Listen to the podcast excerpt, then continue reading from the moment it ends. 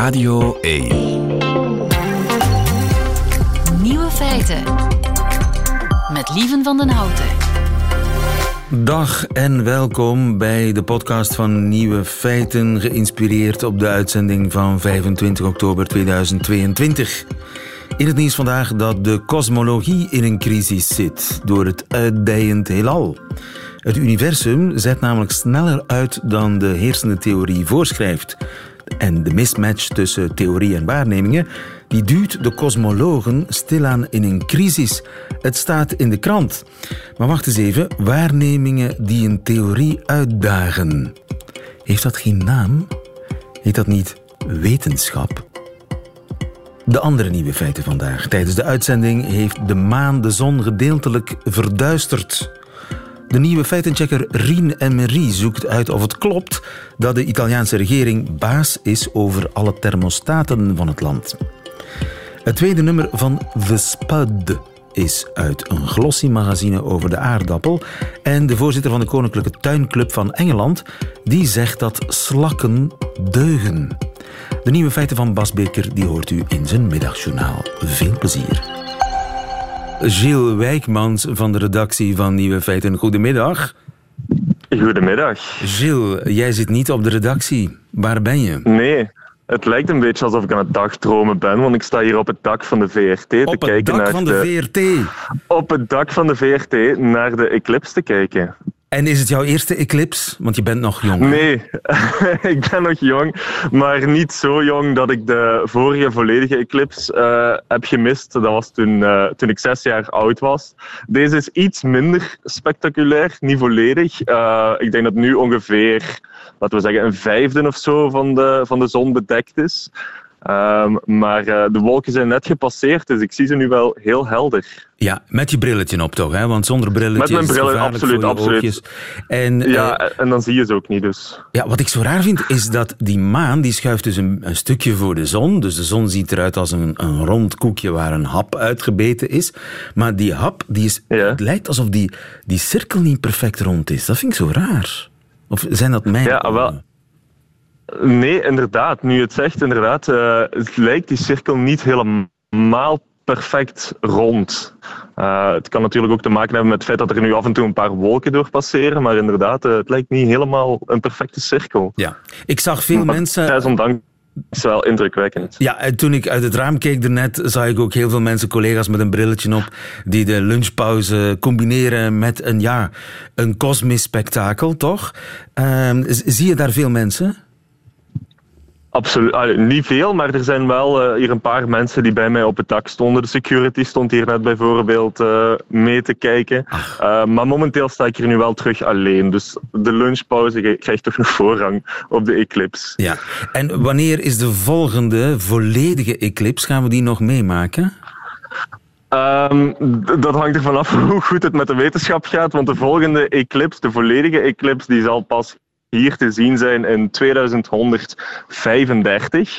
Oh. Um, maar ja, als je niet zo lang kan wachten, dan kan je wel in 2024 naar de VS gaan of in 2026 naar Noord-Spanje. Dus uh, er zijn nog genoeg kansen om eclipsen te zien. Ja, en die maar op dit moment is deze een heel mooie. Ja, en deze in 2026 die is volledig in Spanje. Bij ons zal het iets van ja, wat is het, 90, 90 procent zijn. Dus dat wordt ook een flinke, een flinke zonsverduistering. Dat is over een jaar. Inderdaad. Uh, vier. Uh, doet yes. het iets met je, Gilles? Ik vind het wel speciaal. Ik moet eerlijk zeggen, toen je me er straks vroeg om te gaan kijken, dacht ik van ja, goh, zo speciaal is het nu toch ook weer niet. Maar nu ik er uiteindelijk sta, vind ik het wel indrukwekkend om te zien hoe dat, ja, uiteindelijk hoe klein je je voelt. Hè. Die twee gigantische hemellichamen die, die we normaal iedere dag zien en nu samenkomen, is toch wel ja, heel speciaal. Ja, en het brengt de mensen bij elkaar. Hè. Iedereen ziet het. Ja, Arm en absoluut, rijk. Absoluut. Heilig en boef. Oorlogsmensen Ja, en vredesmensen. Ze zien samen dezelfde maan voor dezelfde zon schuiven. Gilles, kom terug. Misschien We dat er in Oekraïne, ja, misschien dat er in Oekraïne voor wat verbinding kan zorgen. Ja, dat er ook gekeken wordt. Gilles, kom terug naar de redactie. We hebben je nodig. Dankjewel.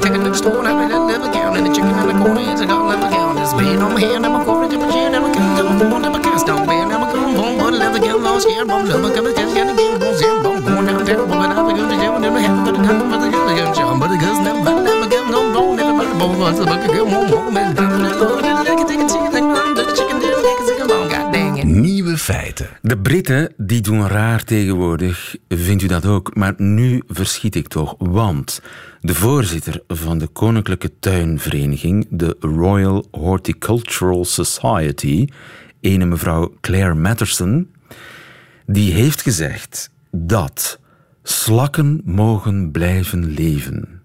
Wim Liebaert, goedemiddag. Goedemiddag, lieven. Mijn favoriete tuinman. ik moet dat toch even laten bezinken. Uh, ja, ik ben slakken mogen blijven leven, zegt de oppervrouw van de Britse tuiniers. In de krant staat: Give that slug a hug. Kun je moeilijk vertalen, maar ik, ik ga een poging doen. Geef die slak een dikke smak. Ja, een dikke knuffel. Ja. Dikke knuffel. Het is alsof de paus zegt: Satan deugt. Ja, het is zoiets. Ja. Maar ik zou zeggen, eindelijk. Eindelijk zeggen Eindelijk?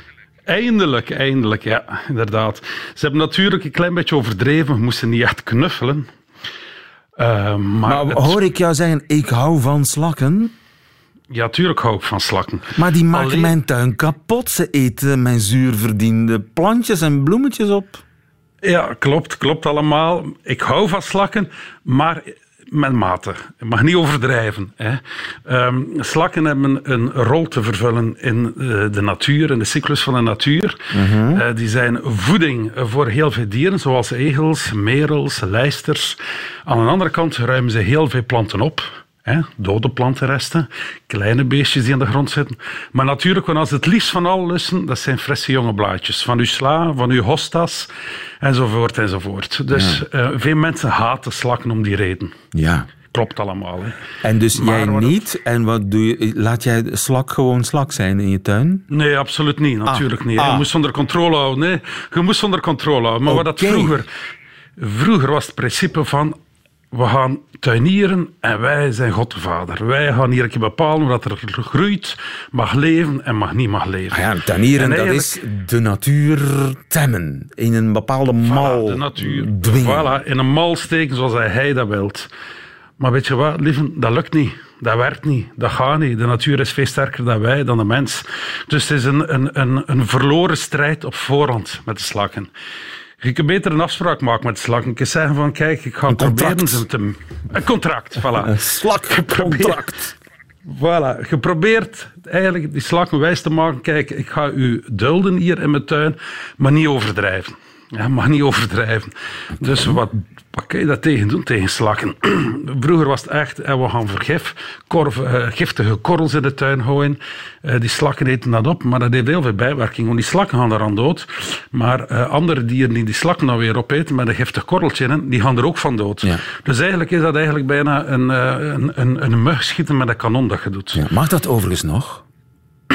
Nee, dat mag niet meer ook. Maar die spullen worden niet meer verkocht? Of onder de toonbank kun je die nog ergens vinden? Jawel, die worden nog wel verkocht. Maar dat is een uithoofdscenario. Ja. Hè?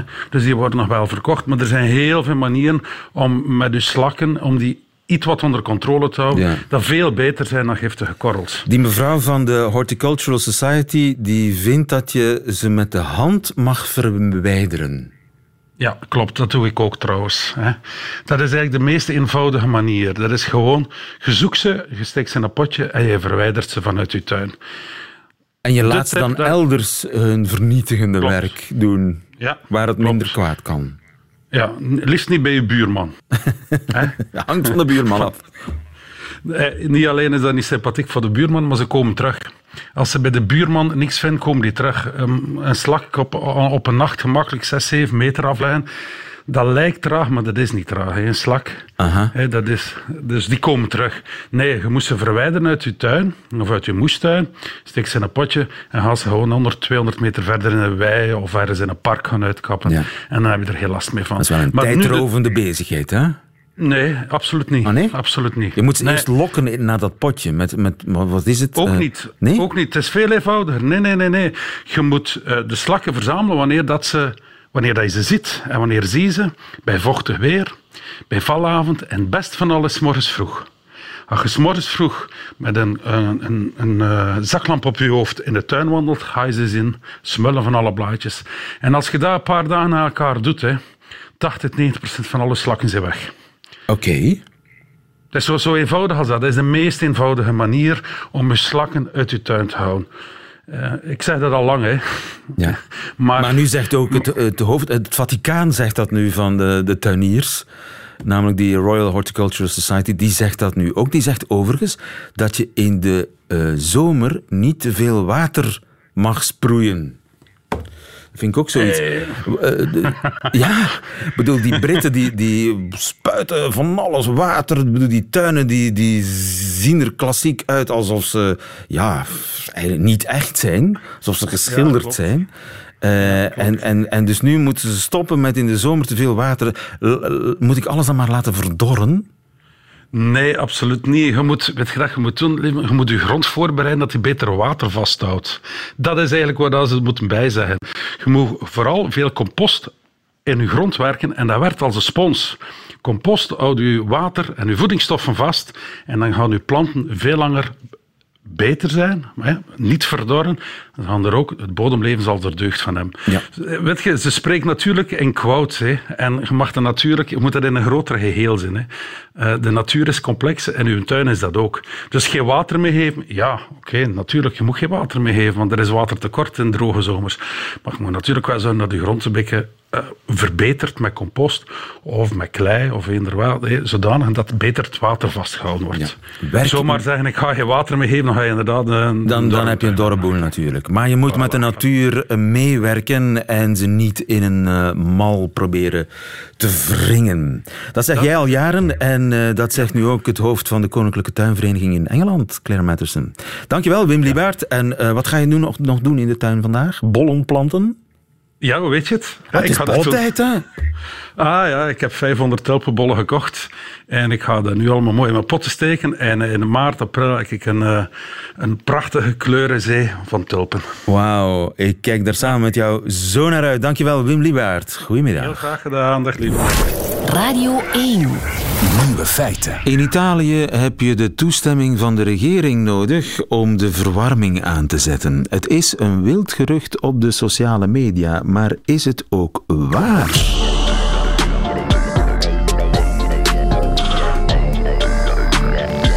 De nieuwe feitenchecker. Rien en Marie, goedemiddag. Goedemiddag. Er circuleert dus, jij als feitenchecker eh, moet dat weten, een foto op de sociale media, een foto van een blaadje papier met daarop een tekst in het Engels. En die tekst lijkt bedoeld voor de gasten van een hotel in Italië. Hè? Ja, dat klopt. Dat is in het Engels inderdaad. Um, een foto die circuleert, dat klopt. Ik heb die verschillende keren al toegestuurd gekregen en ik heb onderzocht waar die vandaan komt. Wat staat er op die foto?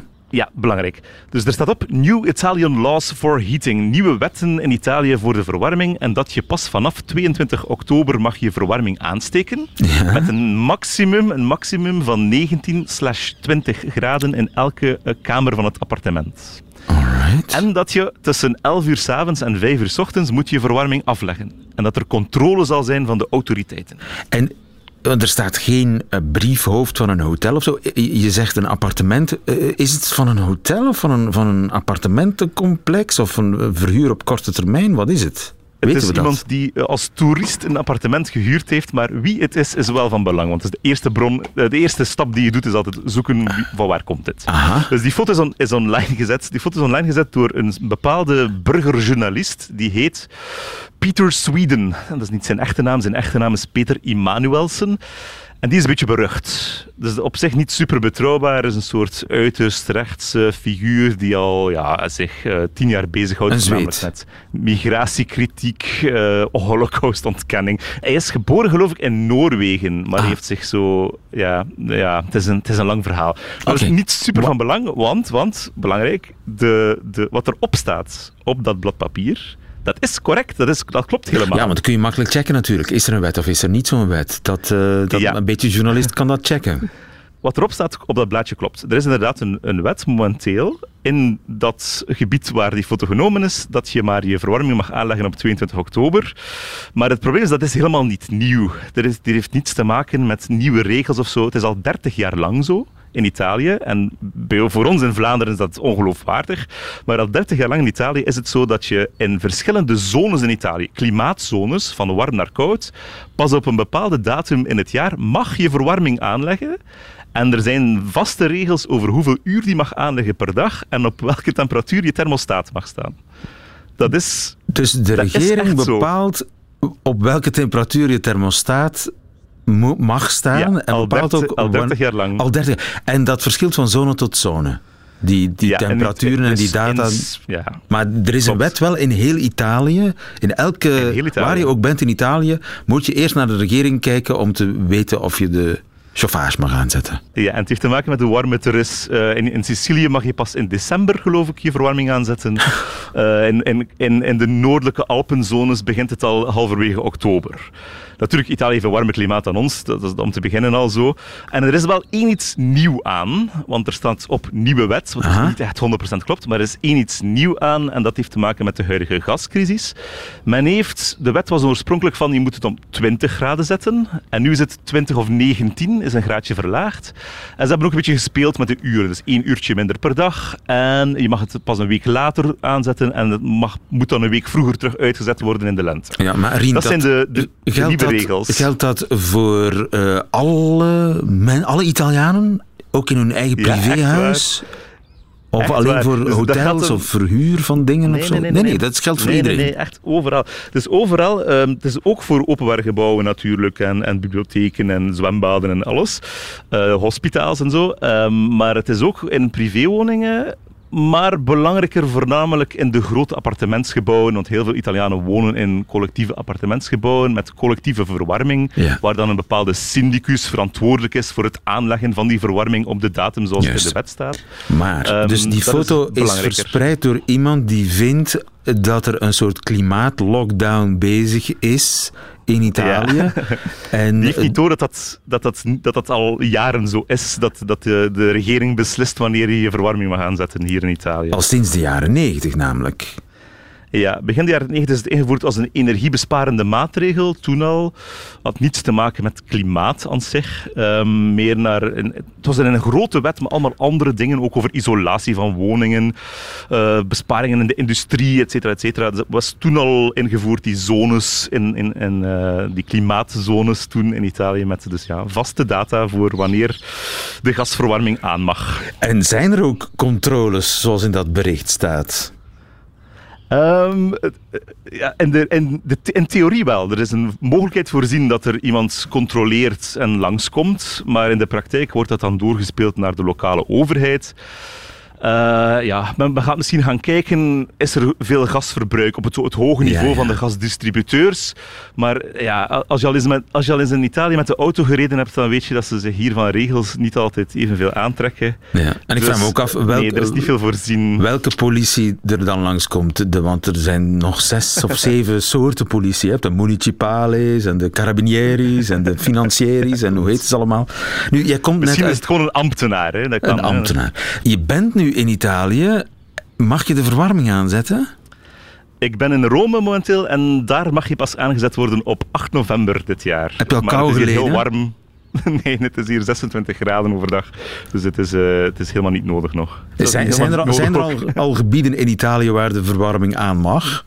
Ja, in het noorden, eh, in de Alpenregio's en ook in het midden van het land, waar, waar de Abruzzen liggen, waar het ook eh, koud is als je ho- op ho- hoge hoogte zit. Ja. Daar, daar mag de verwarming zeker al aan sinds 22 oktober, zoals ook op dat blaadje stond. Oké. En dat weet ook iedereen. Iedereen weet, ah, vandaag mag de verwarming aan. Jee. Inderdaad. Ja. En, en dat is hier doodnormaal. Wij, dat, wij, wij zouden dat niet aanvaarden waarschijnlijk als, eh, als eh, Belgen, maar eh, in Italië is het gebruikelijk. In Italië is het gebruikelijk. En nu, ja, met de huidige gasprijzen is, is het misschien niet eens zo nodig. Gaan de mensen spontaan een dekentje meer uit de kast halen. Ook al. en ook gezellig al, ook al. onder een, onder een dekentje naar de televisie zitten kijken. Maar het is dus waar, het klopt van die verwarming, maar het- er is geen klimaatlockdown bezig. Het is geen nieuwe wet. Helemaal helder. Dankjewel, Rien en Marie. En tot volgende week. Tot volgende week. Radio 1.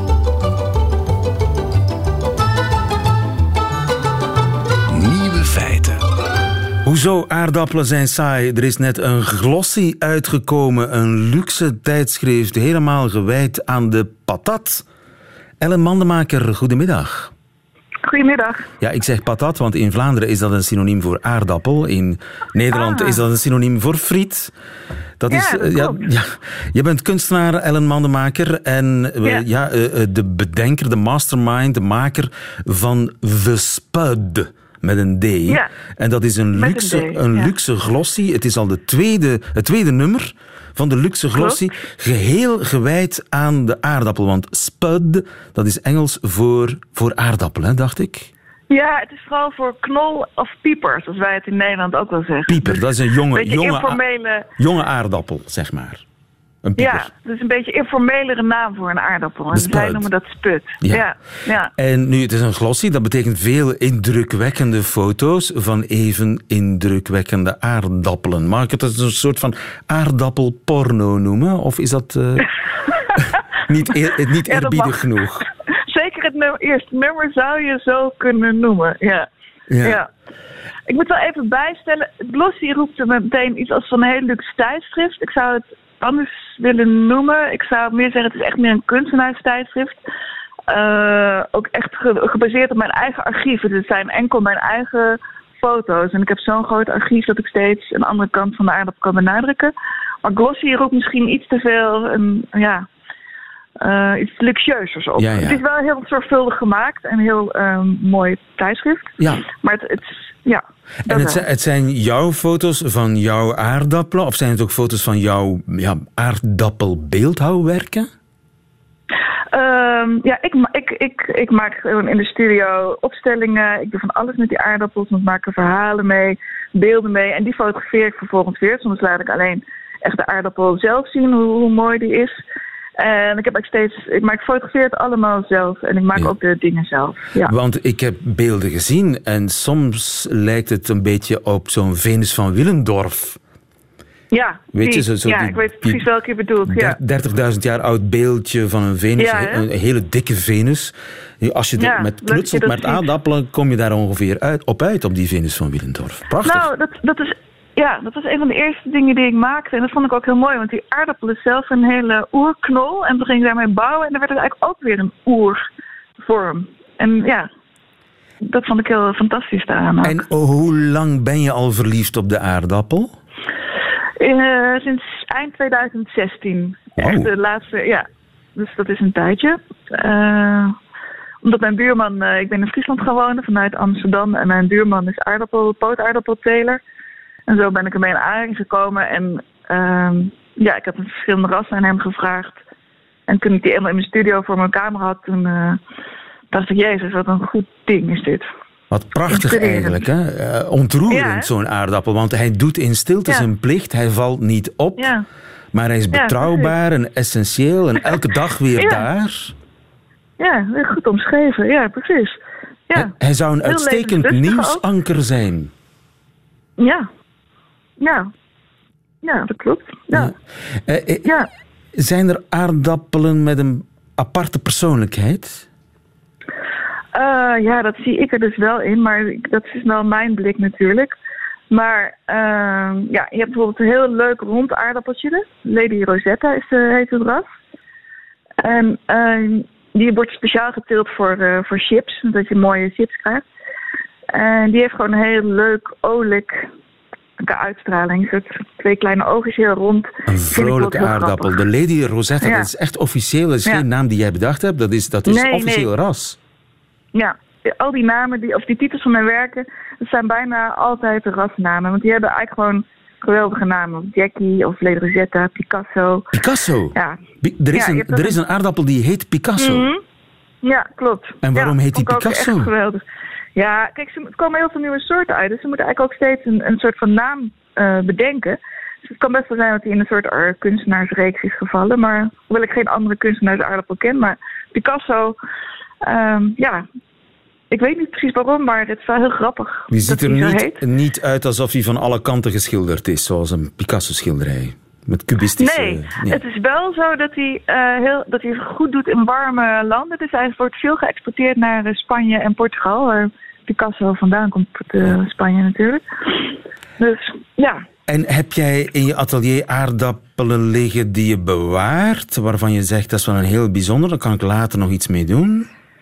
Ja, zeker. Want toen ik ze eenmaal die eerste reeks had gefotografeerd, toen kwamen ze langs in mijn atelier en dan kwamen er van die plantjes, die lichtkiemen heet dat, uitgegroeid. Oh, ja. Die waren ook weer fotogeniek. Dus toen dacht ik, oh, dan kan ik daar ook weer op verder. En uh, sommige zijn nu echt helemaal ingedroogd, maar daar ben ik eigenlijk zo aan gehecht geraakt. Dus die kan ik niet meer weggooien eigenlijk. Maar uh, ja, dus mijn atelier ligt wel vol met uh, aardappels in verschillende stadia van um, ja, versheid. Zeg versheid, maar. zeg maar. Prachtig. ja. het eindeloze aardappeluniversum dat alsmaar uitdijt en groter wordt, net als het echte universum, waar je al jaren aan werkt. Het tweede nummer van de Sput. Waar kan ik het kopen? Uh, je kan het bestellen uh, online. Als je naar www.destut.com gaat, met een streepje ertussen. En ik ben, aan het en ben nog verder aan het proberen met in winkels te verkocht te krijgen. Maar dat is nog uh, iets waar ik nu nog mee bezig ben. Maak je heel veel succes. Dus vooral online kan je het bestellen, ja. Dus de sput, maar de, is het met een Engel, de Engelse de sput ja, met een streepje de, ertussen? Ja, ja de streepjes. We vinden hem, we vinden hem, we vinden hem. Ellen, de ma Ellen Mandenmaker ja. maak je heel veel succes wensen. Met je aardappelkunst. Uh, ja. En uh, de Spud, de uh, glossy, het tweede nummer is verschenen. Dankjewel, goedemiddag. Ja, dankjewel. Oké, okay, dag.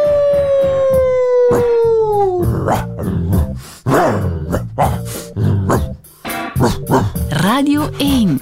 Nieuwe feiten. Honden ruiken alles, zelfs incompetentie. Chris Dussochois, goedemiddag. Goedemiddag, lieven. Wat vind je van mijn nieuwe jingle? Prachtig. Uh, Speciaal ik voor jou, bijna in, Echt waar, ja. Ik was er bijna ingebleven. Heel mooi gemaakt. Chris, je bent uh, hondenkenner des vaderlands. Nieuw onderzoek toont aan dat honden doorhebben dat hun baasje iets niet kan of iets kan ook. Uh, het is onderzoek, uh, lieven, dat is gevoerd aan de Universiteit van Kyoto. Er zijn twee centra in deze wereld die erg goed zijn met honden. Eentje ligt in Budapest, het andere ligt in Japan. En daar wou men eigenlijk nagaan of honden ja, konden nagaan dat mensen competent zijn of niet. Of ze daarop zouden letten. En daardoor hebben ze een zestigtal honden uitgenodigd naar het laboratorium, zogezegd. Maar voor honden steekt dat zo nou niet. Een, een simpele kamer is goed. En daar mochten ze kijken naar twee acteurs die voor hen zaten. Uh -huh. Wat moesten die acteurs doen? En wel, die acteurs die moesten uh, ik probeer het, uh, uh, de merknaam te vermijden, maar ik zal hem toch gebruiken, een tupperwarepot open te doen. Okay. Een, een, door, een, doorzichtige plastic doos met een deksel erop en binnenin een voorwerp. Het was in de eerste omstandigheid denk ik gewoon een rolletje tape. En ze moesten dus kijken of die personen daarin slaagden om die pot open te krijgen. En er zaten twee soorten acteurs voor die honden. De ene acteur die slaagde erin om binnen de twee seconden het deksel van die pot eraf te halen en het voorwerpje eruit te halen en dat voor zijn voeten te zetten. De tweede persoon uh, die probeerde het uh, vijf seconden lang en gaf het dan op. Een prutser. Ja, voilà. En uh, de hond die zat de hele tijd bij zijn baas. Die twee acteurs die keken niet naar de hond om hem of haar niet te beïnvloeden. En dan keken ze uh, in de eerste plaats of die honden wel door hadden dat die personen uh, in staat waren om die container open te krijgen. Maar dan pas kwam de echte test. Dus de eerste keer was eigenlijk om aan de hond te leren.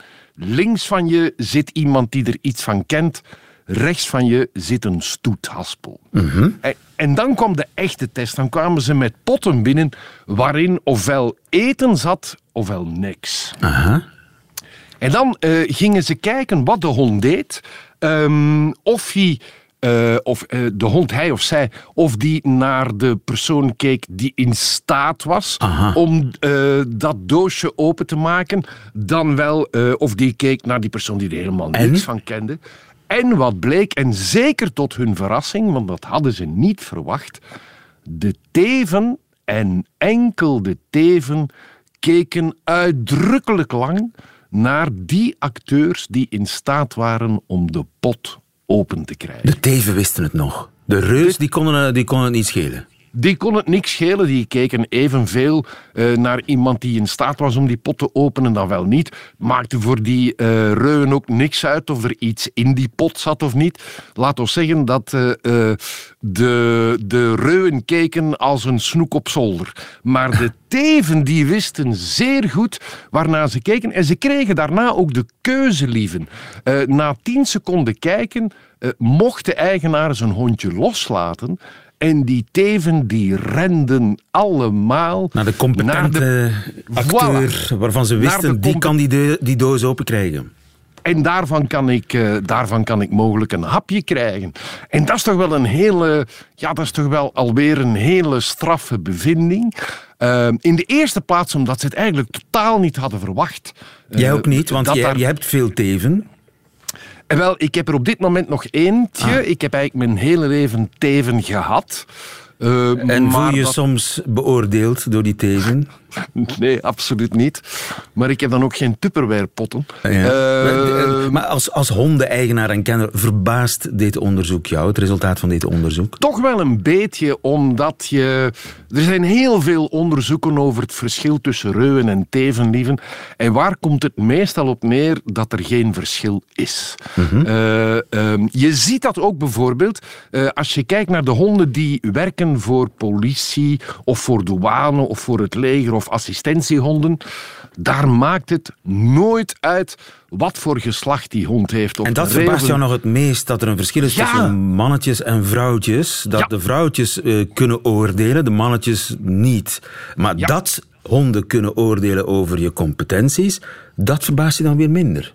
Uh, dat verbaast me nou weer minder, omdat we weten uh, uit eerder onderzoek dat honden als geen enkel ander dier, en ik weet dat ik je daarmee pijn doet, want je bent een kattenmens, maar honden kunnen als geen enkel ander dier mensen in de gaten houden en observeren wat mensen doen en daar ook conclusies uit trekken en hun gedrag daaraan aanpassen. Dani Struiten heeft een kat, geloof ik, hè? Misschien moeten ze een tevenhuis hebben. om, de, om, de, capaciteiten van de premier te beoordelen.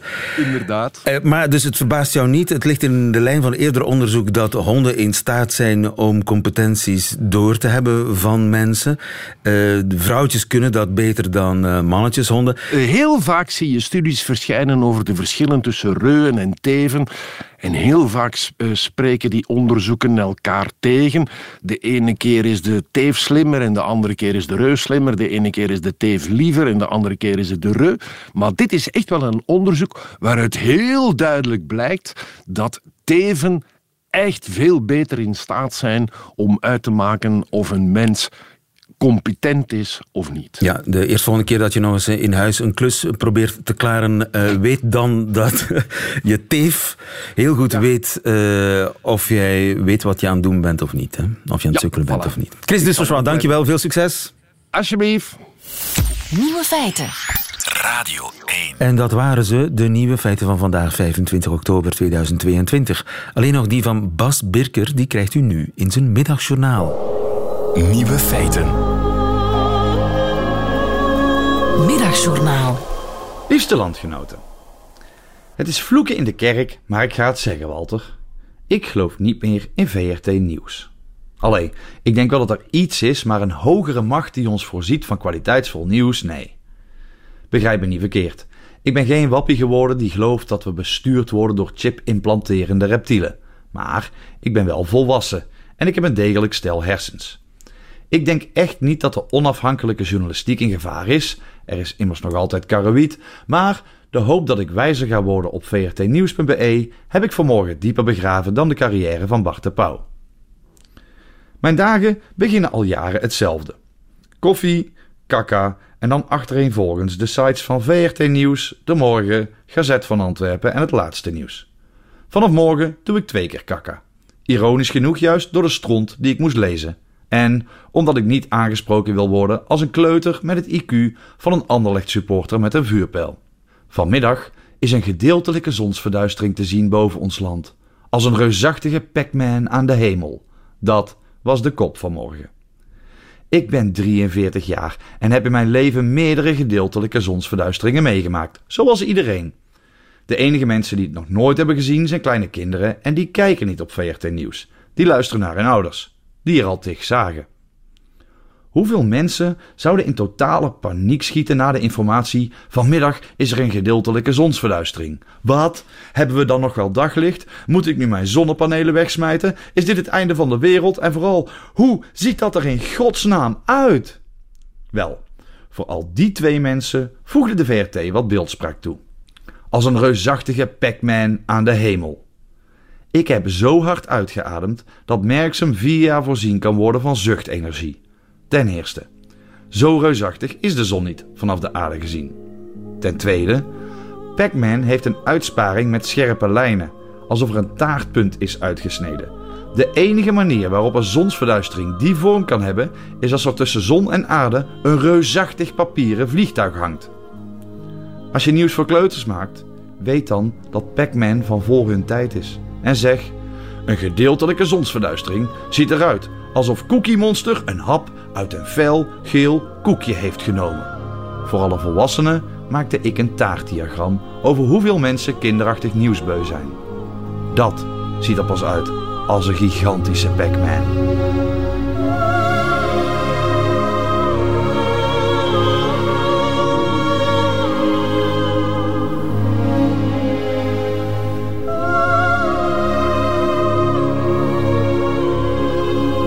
Middagjournaal van en met Bas Birker.